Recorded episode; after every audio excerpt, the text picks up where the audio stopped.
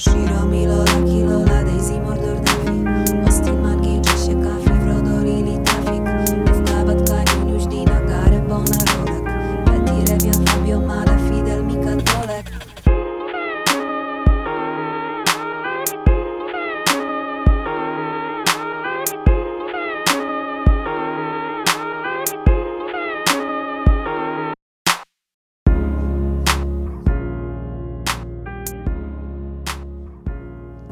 tej strony Mary. i Barbara. Witamy Was w kolejnym odcinku naszego podcastu Pytasz mnie how. Tak, e, w tym podcaście rozmawiamy sobie na różne tematy około psie, a także robimy moją ulubioną rzecz, czyli obalamy psie mity. Miłego słuchania. Pytasz mnie how, ruszyć na łów Nie musisz być liczyć się bał. Pytasz mnie how, Daisy, Mordor, ruszyć na łów Musisz być raf, bo liczyć się bał W dzisiejszym odcinku porozmawiamy sobie o pozytywnym szkoleniu. E, powiemy, czym ono w ogóle jest, a także jakie są najczęstsze związane z nim błędne przekonania. Tak, mamy tutaj na tapecie pięć takich mitów, które chciałybyśmy wspólnie obalić. Natomiast może zaczniemy od tego, jak rozumiemy to pozytywne szkolenie. Czym dla Ciebie jest pozytywne szkolenie? E, Dla mnie pozytywne szkolenie jest szkoleniem opartym o wzmocnienie pozytywne. I tutaj jest problem, dlatego że pojawia się to pytanie, czy szkolenie pozytywne to jest po prostu bycie ok, czy szkolenie pozytywne właśnie swoją nazwę ma od wzmocnienia pozytywnego. I teraz szybko wyjaśnię, co to jest wzmocnienie pozytywne. Zwierzęta uczą się na różne sposoby i jednym z nich jest, no ładnie się to nazywa warunkowanie instrumentalne albo sprawcze, ale możemy po prostu powiedzieć, że to jest świadome uczenie się. I polega to na tym, że jeżeli jakieś zachowanie wywo- wywoła em, coś przyjemnego albo coś nieprzyjemnego, no to się będzie pojawiać albo częściej, albo rzadziej. I teraz mm, wzmocnienie pozytywne to jest taka sytuacja, kiedy zachowanie pojawia się częściej, ponieważ stało się coś miłego.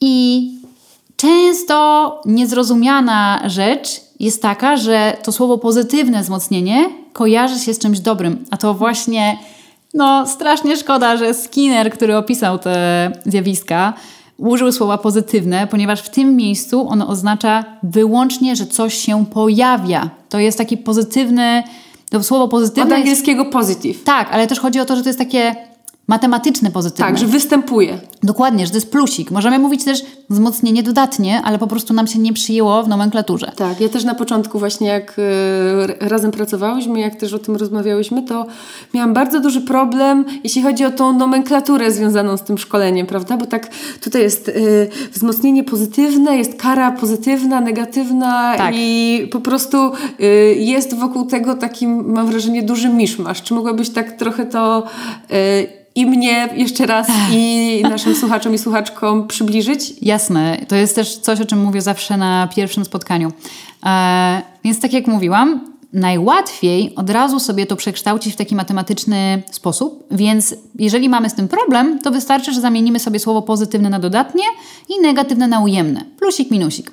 I teraz, jeżeli mamy wzmocnienie pozytywne, to znaczy, że coś się pojawiło i dlatego zachowanie się wzmacnia. Tak samo kara pozytywna. I dlatego też niektórzy e, mówią, no dobra, no to kara, kara też jest pozytywna, to czy to znaczy, że my ją stosujemy w szkoleniu pozytywnym? No oczywiście nie. Do tego sobie za chwilę wrócimy.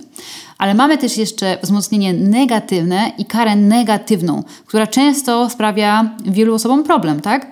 No i już to staram się wyjaśnić. Kara, y, przepraszam, kara negatywna, czyli kara ujemna, to jest sytuacja, kiedy zachowanie się osłabia, ponieważ coś zabraliśmy z sytuacji. Na przykład, jeżeli zabierzemy psu piłeczkę, kiedy on na nas skacze, no to to jest wtedy właśnie kara negatywna, bo ujmujemy tą piłeczkę. Albo jeżeli chodzi o wzmocnienie negatywne, to jest na przykład sytuacja, kiedy pies szczeka, ktoś się od niego oddala, na przykład przechodzień przeszedł albo powiedział ojej i się odsunął, to to jest też wzmocnienie negatywne szczekania, dlatego że ten dyskomfort w postaci człowieka zniknął.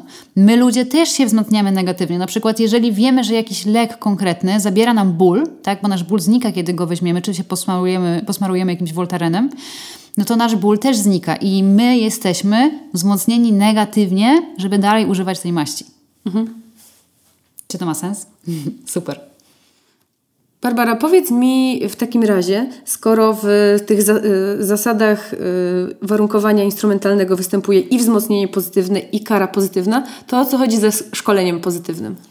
No właśnie, i tutaj ta debata trwa już od dawna. E, Generalnie przyznam szczerze, że nie wiem, czy szkolenie pozytywne, ta nazwa, pochodzi od tego, że bazujemy na wzmocnieniu pozytywnym i tak po prostu niefortunnie się złożyło, że mamy jeszcze karę pozytywną.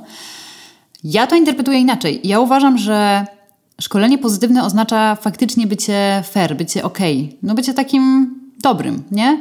I że to jest zbieżność okoliczności, że szkolenie pozytywne bazuje na wzmocnieniu pozytywnym i te dwa słowa pozytywne znaczą tutaj zupełnie coś innego. Przy szkoleniu pozytywnym to znaczy coś faktycznie dobrego, a przy wzmocnieniu pozytywnym to znaczy po prostu, że Że- coś dodajemy. Tak. Więc jak najbardziej, jeżeli chodzi o to, jak powinniśmy rozumieć y, szkoleniem, przepraszam, teraz mi się też to miesza. E, szkolenie pozytywne to jest to po prostu szkolenie, które ma być bez awersji. Mamy unikać tutaj awersji. Dlatego też w niektórych miejscach unikamy już mówienia szkolenie pozytywne, tylko mówimy szkolenie bazujące na wzmocnieniu pozytywnym, żeby było to jaśniejsze. Natomiast moje dwie ulubione nazwy to jest szkolenie oparte na badaniach naukowych. Moje- moje też. No, science-based training, no można powiedzieć też, na, no tak, powiedziałam, na badaniach naukowych. E, dlatego, że nawet odsuwając tutaj kwestię etyczną, to szkolenie oparte na wzmocnieniu pozytywnym jest zawsze najbardziej efektywne, dlatego że jako jedyne nie tłamsi zachowań, a poza tym jest pozbawione negatywnych, no negatywnych w takim sensie znowu złych, skutków ubocznych dla zwierzaka, tak? Czyli nie budujemy tutaj przy okazji złych skojarzeń przy pozytywnym e, wzmocnieniu. Więc nawet, no tak jak mówię, nawet jeżeli byśmy mieli gdzieś dobro zwierzaka, to jeżeli chcemy mieć efektywne szkolenie, to zdecydowanie szkolenie pozytywne, czy szkolenie oparte na wzmocnieniu pozytywnym jest właśnie szkoleniem opartym na badaniach naukowych. Ale też wydaje mi się, że takim no, największym plusem tego szkolenia opartego na nauce, to tak trochę w skrócie mówię, jest to, że ono po prostu przynosi najszybciej efekty, prawda? Tak i nie, ale to jest dobre, że to teraz e, poruszasz. Mm, Dlatego, że tutaj znowu trochę schodzimy na inny tor, bo znowu rozmawiamy bardziej o warunkowaniu instrumentalnym, ale kara pozytywna też działa. E, to nie jest tak, że tylko wzmocnienie pozytywne działa, a inne kwadranty, czyli tam kara pozytywna Tak, tak. i tak dalej, nie. Tyle, że kara ma ogromne efekty uboczne. I teraz, żeby kara była skuteczna, musi być silniejsza niż zysk z zachowania, które, który pies do tej pory miał. E, Czy inne zwierzę, bo to są wszystko uniwersalne zasady uczenia się dla wszystkich zwierząt. I teraz, jeżeli na przykład mamy jakieś zachowanie, które jest już bardzo wzmocnione, mm, to ta kara musiałaby być potężna i naprawdę bardzo nieetyczna, żeby ona zadziałała szybko. No i wydaje mi się, że nawet takie osoby, które również stosują te metody awersyjne, no nie będą chciały w ten sposób karać swojego psa, żeby wywołać mu po prostu traumę. No i to, jaki jest koszt oczywiście takiej kary, no wzrost lękliwości, może się pojawić w końcu agresja w obronie własnej, e, psy po prostu stają się mało pewne siebie, mogą zacząć bać się swoich opiekunów, mogą się zacząć bać miejsca, w którym to się zdarzyło. No, czują się niepewnie. No też. czują się bardzo niepewnie. No i oczywiście krzywda jego trzeba wtedy wyrządzić, często jest też ogromna. Dlatego kara karze nierówna, ale generalnie faktycznie słabe kary za bardzo nie działają. No i możemy sobie sami pomyśleć o tym, że ile razy mówimy, no dobra, sami. No, jakby myślę, że każdy może sobie odpowiedzieć yy, na to, że kiedyś jednak się wkurzył na swojego psa i na przykład powiedział nie wolno, albo zrobił nawet coś gorszego. I najczęściej jest tak, że to nie działa na dłuższą metę, tak? Zwierzaki na chwilę może to przestają robić, ale i tak potem to zachowanie się pojawia, no bo słabe kary słabo działają.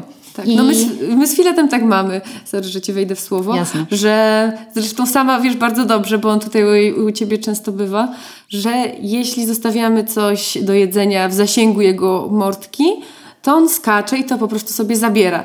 I ja już mam taki naturalny odruch, że jak widzę, że on biegnie, czy tam wskakuje na jakiś stół, to krzyczę filet nie! I najczęściej y, on wtedy mnie tak posłucha, ale to nie zmienia faktu, że za 5 minut zrobi to samo. Tak, i to jest świetny przykład, dlatego że nawet Skinner, który, tak jak mówiłam wcześniej, e, przedstawił nam zasady warunkowania instrumentalnego, który zresztą też nazywamy Skinnerowskim, sam powiedział, że my używamy kar pozytywnych, dlatego że sami mamy chwilowe wzmocnienie negatywne, czyli w momencie, kiedy ty mówisz nie wolno filet i filet przestaje robić to, co ci sprawiało dyskomfort, to on tak naprawdę, znaczy właściwie ty się wzmacniasz negatywnie.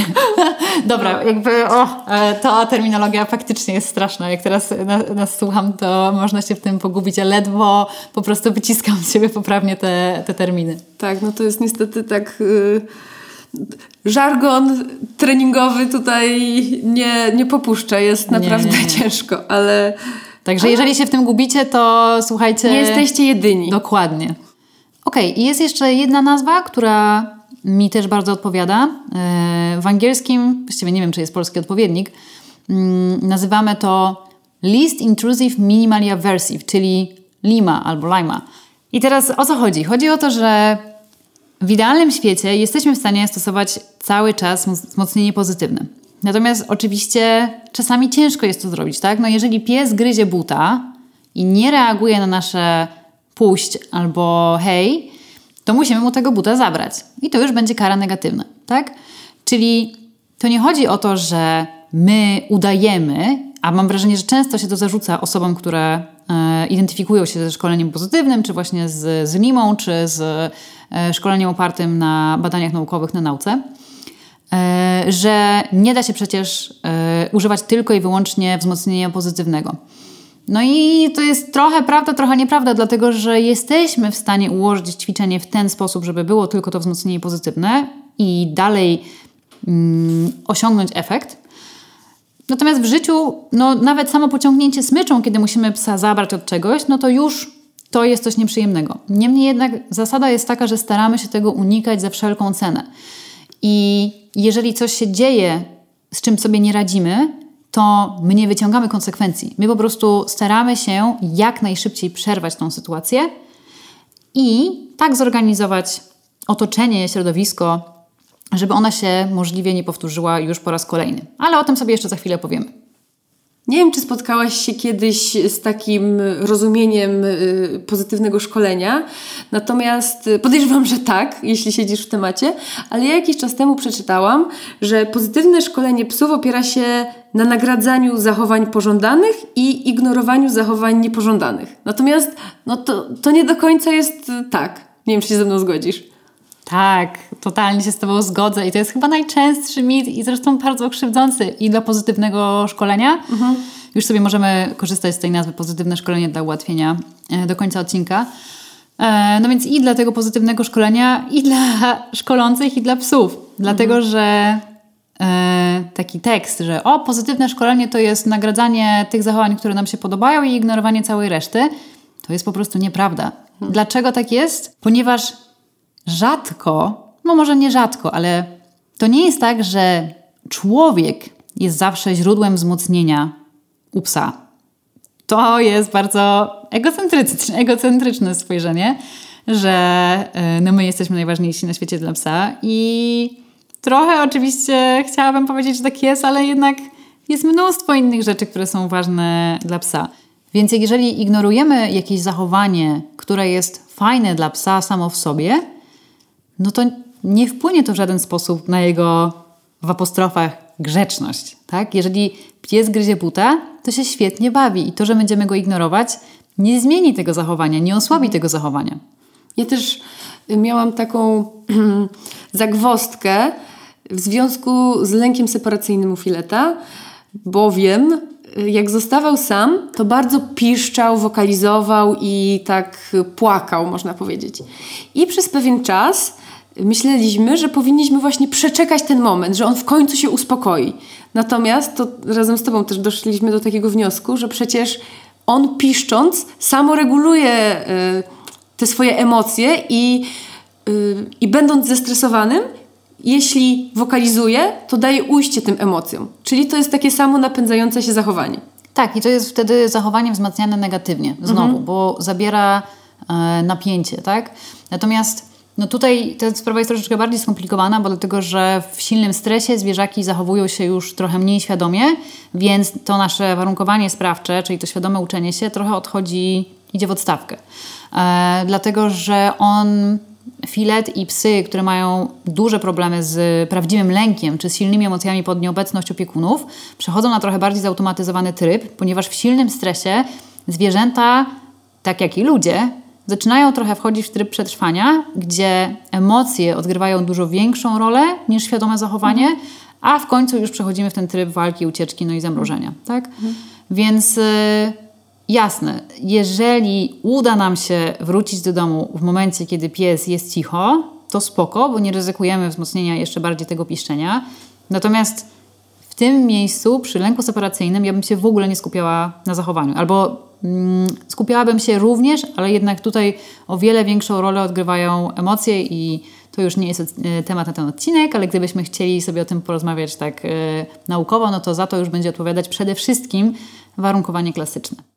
Nie musisz dzwonić po psy, bo są wokół Czuję spokój, kiedy pieski piją rosół Nie chcę sosu, piję soczek z mokrych nosków Nie wiesz, który jest twój, no to losuj. Ciepłe pieski, miękkie brzuszki lecą łezki Wącham łóżka, a w powietrzu mała nóżka. Miska love potion, biegniesz slow motion Myślę o tobie niczym Frank Ocean Odnosząc się do tego, co przed chwilą powiedziałaś, to można też dojść do takiego y, spostrzeżenia, że jeżeli więc próbujemy tylko nagradzać zachowania, które nam się podobają, no to najczęściej kończymy ze zwierzakiem, który robi zarówno to, co nam się podoba, jak i to, co nam się nie podoba. Na przykład z tym butem, o którym mówiłaś, że pies zarówno gryzie buty, i zabawki, no bo tam chodzi o to, że można przekierować uwagę niby na zabawkę i tak dalej. Tak, tak, można wzmacniać gryzienie zabawek. Tak, ale gryzie też buty. Albo pies zarówno grzecznie leży przy stole, jak i skacze na blat. Dokładnie. Mm, Jest dokładnie tak, jak powiedziałaś. I teraz teoretycznie moglibyśmy postarać się wygrać naszą nagrodą z nagrodą, powiedzmy, środowiskową psa, ale jest to bardzo trudne. I zdecydowanie lepiej jest organizować tak środowisko, żeby te nasze niepożądane zachowania się w ogóle nie pojawiały, bądź przerywać je i nie musimy tego wcale robić agresyjnie, tak? Nie musimy robić nie wolno i tak dalej.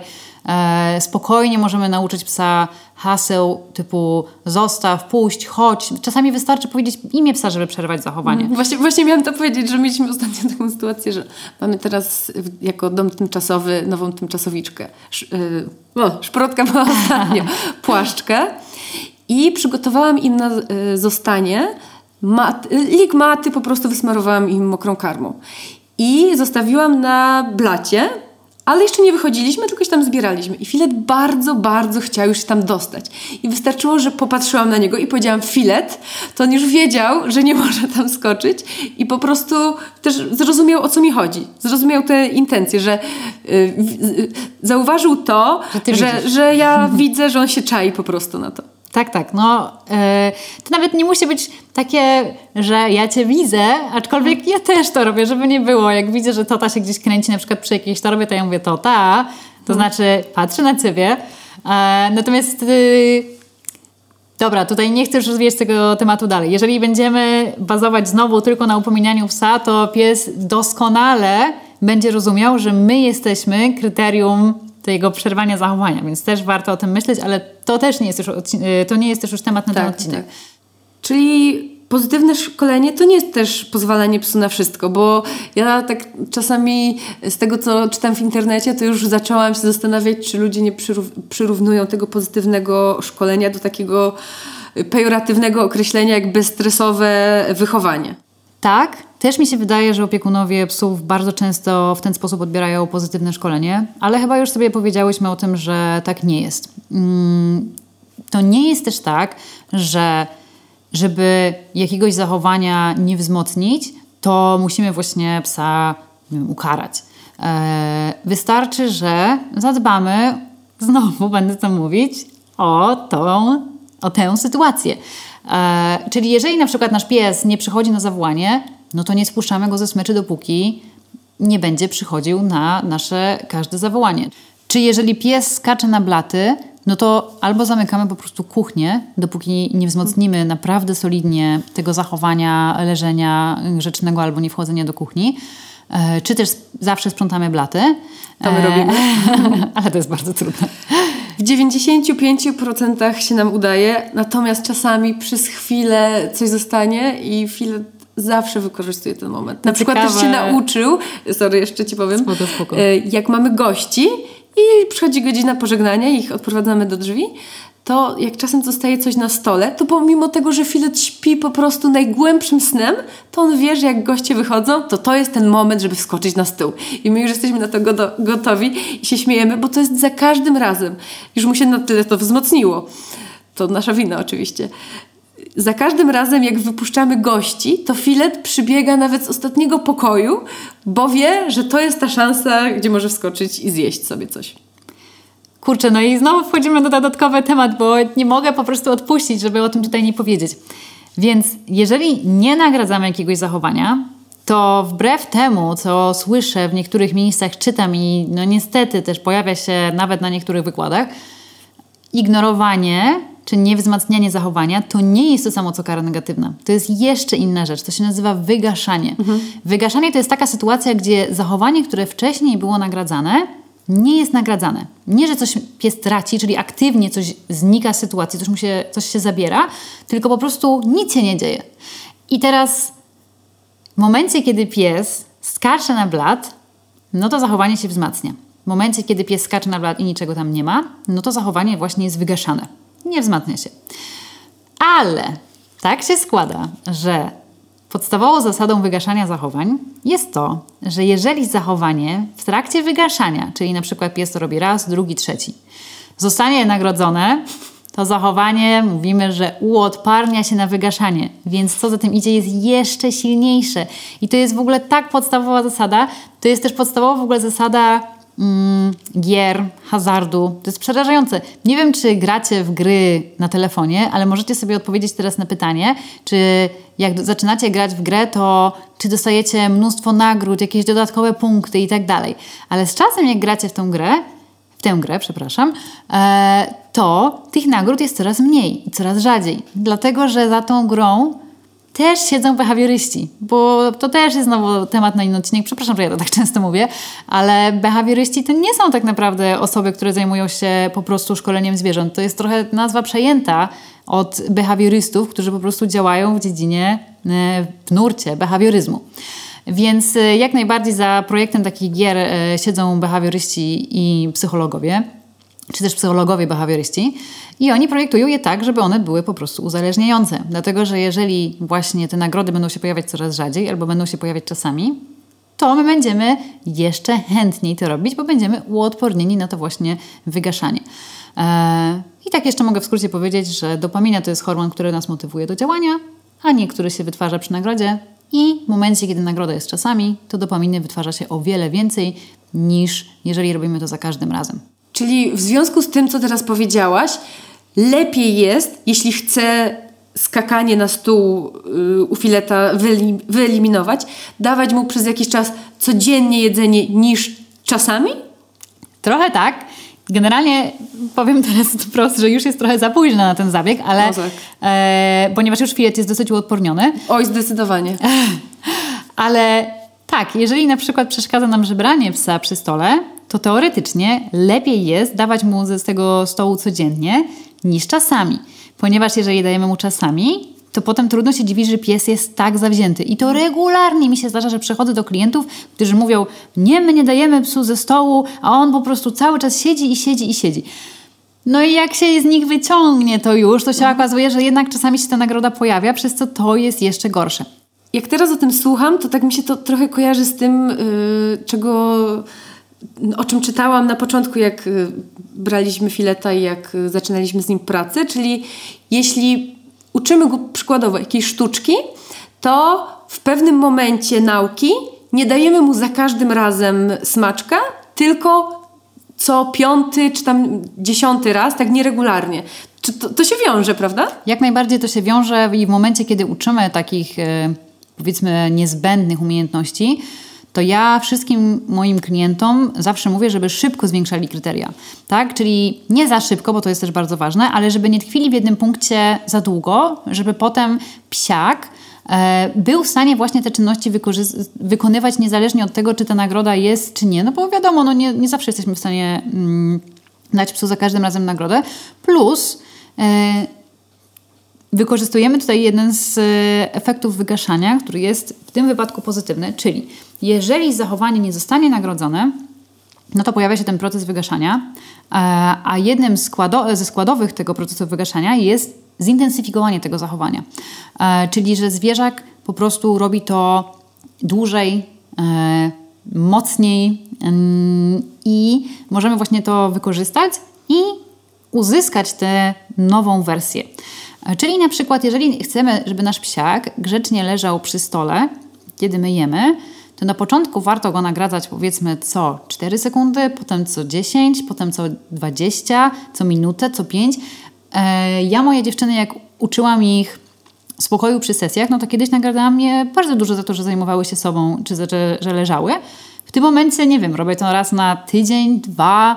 Jak mi się przypomni, jak pokazuję klientom o co chodzi, kiedy mam zdalne sesje. I mówię, no to teraz zobaczcie, że Tota i Ezra e, tutaj leżą, to najczęściej już nie ma w pokoju, bo też nagradzałam ją bardzo dużo za to, że ona śpi w, w innym pokoju. E, I po prostu wtedy pokazuję, jak ja to, jak ja to nagradzałam. I to jest jeszcze ważna sprawa, o której tutaj mam wrażenie, może było za mało, ponieważ nie chciałabym, żeby teraz y, słuchacze zaczęli ignorować zachowania, gdzie my faktycznie jesteśmy wzmocnieni. E, jeżeli próbujemy wykorzystać tylko to ignorowanie, slash wygaszanie do pozbycia się zachowania, to musimy o tym pamiętać, że ten proces jest frustrujący, tak? Że, że pojawi się tutaj ta Potem po tej intensyfikacji pojawia się też ta frustracja, złość, spontaniczne powroty i to będzie też dla nas męczące i dla zwierzaka męczące ignorowanie czy też wygaszanie też nie jest najlepszym wyborem, jeżeli chodzi o szkolenie psa.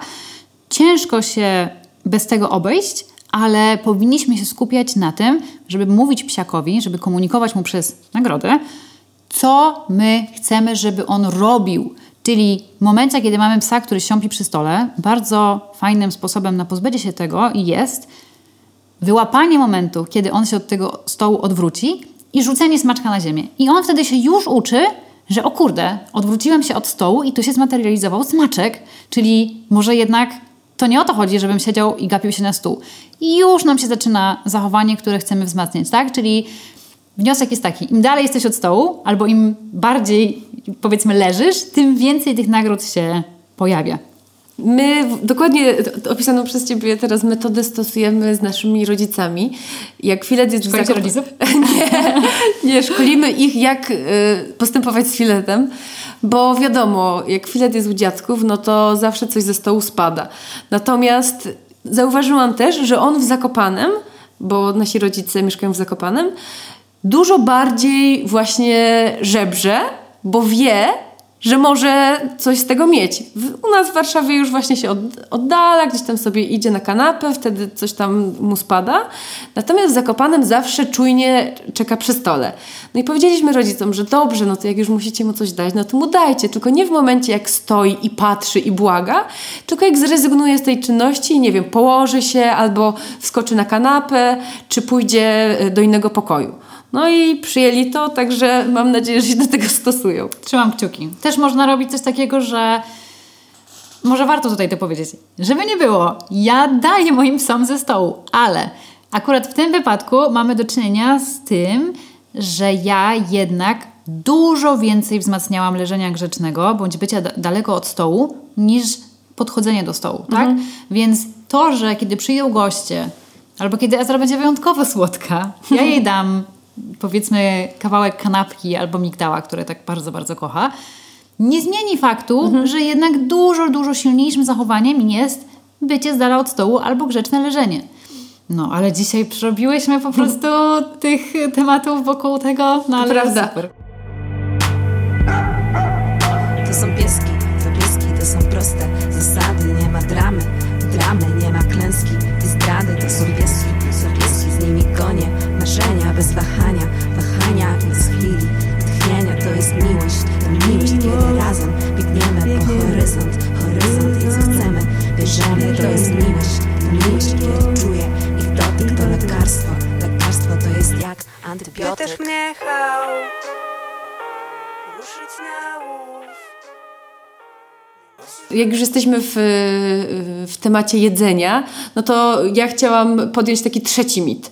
Jak czasami ludzie, to też przeczytałam w- na jakimś forum kiedyś w komentarzu i później mi to tak brzęczało w głowie. Rozmawiałyśmy o tym przed, y, przed, przed nagraniem odcinka, że to jest też dosyć często spotykany mit. Mianowicie, mój pies nie lubi jedzenia. Jak mam go szkolić? Faktycznie jest to bardzo często brane na sztandar stwierdzenie przez trenerów, czy też bardziej treserów, którzy stosują głównie metody awersyjne. To nie jest prawda, że do szkolenia pozytywnego wymagane jest jedzenie. Dlatego, że jak chyba sobie to już powiedziałyśmy wiele razy, jedzenie nie jest jedynym wzmocnieniem.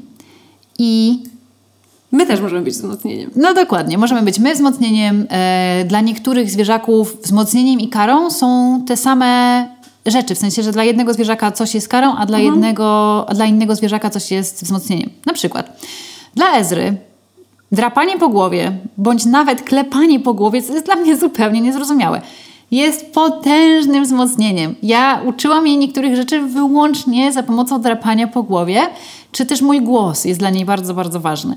Dla innych psów drapanie po głowie, czy w ogóle dotykanie głowy może być straszną karą, tak? Więc to nie jest tak, że jedzenie, że jedzenie dobrze mówię, jest em, jedynym wzmocnieniem. Mamy ich naprawdę sporo, musimy po prostu je odkryć. Ale takim podstawowym wzmocnieniem, które możemy wykorzystać właściwie u każdego zwierzaka, jest po prostu dostęp do rzeczy, którą w danej chwili chce zrobić. Czyli jeżeli na przykład idziemy z psem i zachowuje się on bardzo ładnie, to możemy mu powiedzieć: OK, zobacz tego krzaczka, albo pójść z nim na chwilę na większy kawałek trawnika, albo poluzować mu smycz, żeby miał więcej przestrzeni. I w tym momencie nagradzamy zwierzaka środowiskiem, i to jest potężna nagroda, dlatego że mm, uczymy psa, że to nie jest tak, że my zawsze mu te nagrody będziemy tylko oferować, te nagrody jedzeniowe. Bo pies może powiedzieć nam w pewnym momencie, hej stary, ja wiem, że ty chcesz, żebym ja usiadł, ale ja po prostu nie chcę teraz smaczków, ja chcę pomachać tego krzaczka. Więc warto pokazać psiakowi, że za siad może być również wąchanie krzaczka. Natomiast jeśli chodzi o to jedzenie, no to wydaje mi się, że też jeśli jedzenie byłoby karą dla psa, to, to co, coś jest nie Coś tak. się nie W sensie, zgadza. Tak. Wydaje mi się, że każdy pies, po, mówię tutaj pies, bo nie wiem w sumie jak to jest z innymi zwierzętami, ale wydaje mi się, że każdy pies powinien mieć taki pozytywny stosunek, y, pozytywny w sensie dobry, do jedzenia. Jeśli je niechętnie lub jakoś, no to lub, lub jakoś odmawia tego jedzenia, tak y, regularnie, no to być może trzeba się temu przyjrzeć. Dokładnie. E, jedzenie jest chyba jedynym pierwotnym wzmocnieniem. To znaczy, że wszystkie inne rzeczy możemy sobie przechylić na plus, na minus. E, I nie mówię tutaj o rodzaju jedzenia, bo to, to nie o to chodzi. Chodzi o to, że jakby samo spożywanie jedzenia zawsze będzie wzmocnieniem. Tak samo jak ból zawsze będzie karą. Więc nie można powiedzieć, dobry że, przykład rzeczywiście. Tak, że jedzenie nie jest wzmocnieniem. No oczywiście ja nie mówię tutaj, że my mamy głodzić psa. Ja wiem, że ni- niestety niektórzy trenerzy robią coś takiego. Mam klientów, którym e, niby pozytywni trenerzy czy trenerki kazali po prostu głodzić psa tak długo, żeby on był w stanie przyjmować na przykład swoją suchą karmę w każdej okoliczności, żebyśmy mieli to wzmocnienie zawsze pod ręką. No straszne to Straszne. jest. Nie no, w ogóle nawet w badaniach wychodzi, że praca z głodnym psem jest dużo mniej efektywna niż z psem, który nie jest głodny.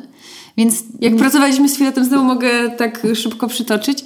Jak był głodny, to był taki narwany, nieskupiony i trudniej się z nim pracowało. Jeśli był trochę, na, jeśli na przykład y, trenowaliśmy gdzieś w okolicach y, południa, jak on już był kilka godzin po śniadaniu, ale ciągle miał uczucie sytości, to biorąc jego ulubione smaczki, to szkolenie było dużo bardziej efektywne niż takie, no, powiedziałabym, poranne przed śniadaniem y, na pusty żołądek. Tak, i pewnie przyjemne dla obu stron. No, zdecydowanie. W momencie, kiedy zwierzaki są głodne, tak samo zresztą i ludzie, i myślę, że zaraz każdy sobie może przywołać taki w głowie przykład, e, nasz organizm jest zestresowany.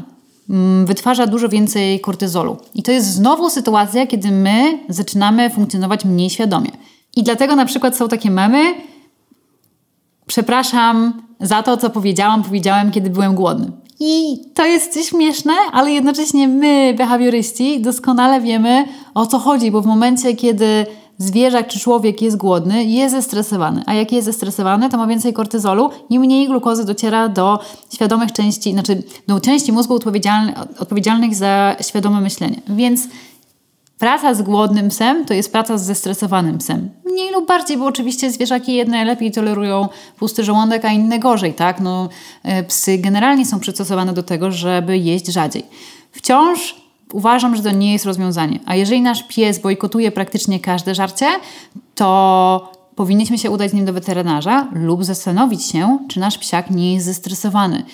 Bardzo wiele psów odmawia jedzenia na dworze, ponieważ już jest tak przebodźcowana bądź tak e, zlękniona, bo to i to będzie powodowało stres, że nie jest w stanie już przyjmować tego jedzenia, tak? Bo też nam często spada wtedy apetyt. Więc warto pamiętać o tych wszystkich rzeczach. Ja wiem, że tego jest sporo, ale tak, najlepiej się pracuje z psem, który ma jedzonko, które lubi, który nie jest głodny, no i oczywiście nie jest też najedzony pokórek, no i który nie jest zestresowany. Nie wiem, czy też y, na początku odcinka, jak o tym mówiłyśmy, to tak y, wybrzmiało. Natomiast chciałabym podkreślić, że metody awersyjne polegają trochę na tym, że, czy nawet nie trochę, po prostu polegają na tym, że pies wykonuje jakieś konkretne zadanie czy polecenie, ponieważ boi się kary, która może nadejść, jeśli tego nie wykona. I Albo czegoś nie robi. albo czegoś nie robi. I w związku z tym nasuwa mi się też pytanie, które gdzieś y, w internecie, czy tam na forach, czy też czasem na spacerach w parku wśród innych opiekunów psów się słyszy, że no na y, mojego psa to szkolenie nie działa. Że, co, jaka jest twoja opinia w tym temacie? W sensie ja ją znam, ale chciałabym, żebyś ją przybliżyła naszym słuchaczom. Czy y, pozytywne szkolenie działa na wszystkie psy? No oczywiście, że tak, bo tak jak powiedziałyśmy sobie na początku, szkolenie pozytywne tak naprawdę po prostu wykorzystuje wiedzę z zakresu uczenia się zwierząt. I nawet, żeby przyszpilić to, co mówię, nie wiem, czy mogę tak powiedzieć, ale żeby wytłuścić to, to co teraz powiedziałam, na pierwszych y, sesjach ze mną prawie zawsze pokazuję filmik ze szkolenia trzmieli. I mówię, że jeżeli na te trzmiele działa szkolenie e, oparte na nauce, czyli powiedzmy szkolenie pozytywne, to będzie też działać na ich psy. No nie można powiedzieć, że ich pies nie uczy się w ten sposób, co wszystkie inne zwierzęta, tak? No nie można tego powiedzieć. Czyli w momencie, kiedy mm, wydaje nam się, że szkolenie pozytywne nie działa, to po prostu nie mamy dostatecznej wiedzy, bądź została nam ona po prostu... Robimy coś źle. no. Tak, no, została nam prostu. źle przekazana i jeżeli ktoś nam wciska kit, że e, na niektóre psy lepiej działa inny rodzaj szkolenia, no to jest to kit, tak? Dlatego, że powiedziała, powiedziałyśmy sobie, że to nie jest tak, że my musimy mieć jedzenie jako wzmocnienie. E, to nie jest tak, że można używać bez konsekwencji innych kwadrantów. Więc no nie może być tak, że szkolenie pozytywne nie działa na jakiegoś zwierzaka. No ja, ja naprawdę przerobiła, jeżeli tak mogę brzydko powiedzieć, masę psów. Jakby przyjeżdżając do Warszawy, w tym momencie myślę, że to będzie już, e, znaczy odkąd przyjechałam do Warszawy, to myślę, że to będzie e, około 300 psów. Więc no powinien być jakieś odstępstwo już, powinno być już jakieś odstępstwo od tej reguły na te 300 psiaków, a go nie Ani było. jednego. Dokładnie. Nie było ani jednego psa, który jest op- y, odporny na to szkolenie. No nie, bo nie może. Nie może być, po prostu fizycznie to jest tak, niemożliwe. to jest niemożliwe, bo po prostu my po To jest badane zachowanie. W związku z tym nie można powiedzieć, że szkolenie pozytywne nie działa u mojego psa, bo to tak jak, jakby powiedzieć, że mój pies nie potrafi się nauczyć. Tak, no jeżeli pies funkcjonuje, to uczy się. No to idzie zawsze w parze. Więc y, no tak, nie ma zwierzaków, na które e, szkolenie pozytywne nie działa. Możemy to po prostu źle czasem rozumieć, bo może nam się właśnie kojarzyć z tym, że e, nagrodą jest tylko jedzenie, może nam się kojarzyć z takim przekupywaniem psa, może nam się kojarzyć z pozwalaniem psu na wszystko, ale tak nie jest. To nie o to chodzi i mam nadzieję, że ten odcinek to wszystko fajnie rozjaśnił. Też mi się tak wydaje, pomimo tego, że jest tutaj dużo różnych trudnych sformułowań i też y, ta, y, ta nomenklatura jest taka dosyć skomplikowana przez te pozytywne, negatywne tutaj y, określenia. Natomiast mam nadzieję, że to wszystko było dla Was w miarę przejrzyste. Jeśli macie jakieś pytania, to będziemy na nie czekały. Możecie też pisać jakieś swoje doświadczenia z, z pozytywnym szkoleniem, czy w ogóle ze szkoleniem. O tym, y, z jakimi mitami, czy też stwierdzeniami się spotykaliście. Czy na przykład, jeśli chcecie, żebyśmy o czymś konkretnym w temacie pozytywnego szkolenia jeszcze powiedziały, dookreśliły, to napiszcie do nas albo w poście na Instagramie, albo w wiadomości prywatnej. Postaramy się, jeśli zbierze się trochę pytań, nagrać taki odcinek, w którym y, obalamy te mity lub też odpowiadamy na Wasze pytania. No, także czekamy na Wasze y, głosy, na Wasze spostrzeżenia, na Wasze pytania. No i pozdrawiamy Was i Wasze psiaki. Dziękujemy za słuchanie. Pa! Pa, pa. Pytasz mnie hał, ruszyć na łów Nie musisz być raf, bo liczyć się bał Pytasz mnie hał, Milola, Kilola, Daisy, Mordor, ruszyć na łów Marki, Jessica, Fibro, Lili, Musisz być Kabat, raf, Kaniu, Różdina, Gary, Bona, liczyć się bał Rewian, Fabio, Mada, Fidel, Mika, Dole Liczyć się bał Milola, Kilola, Daisy, Mordor, Ruszyć na łów Marki, Jessica, Fibro, Lili, Musisz być Kabat, raf, Kaniu, Różdina, Gary, Bona, liczyć się bał Rewian, Fabio, Mada, Fidel, Mika, Dole Liczyć się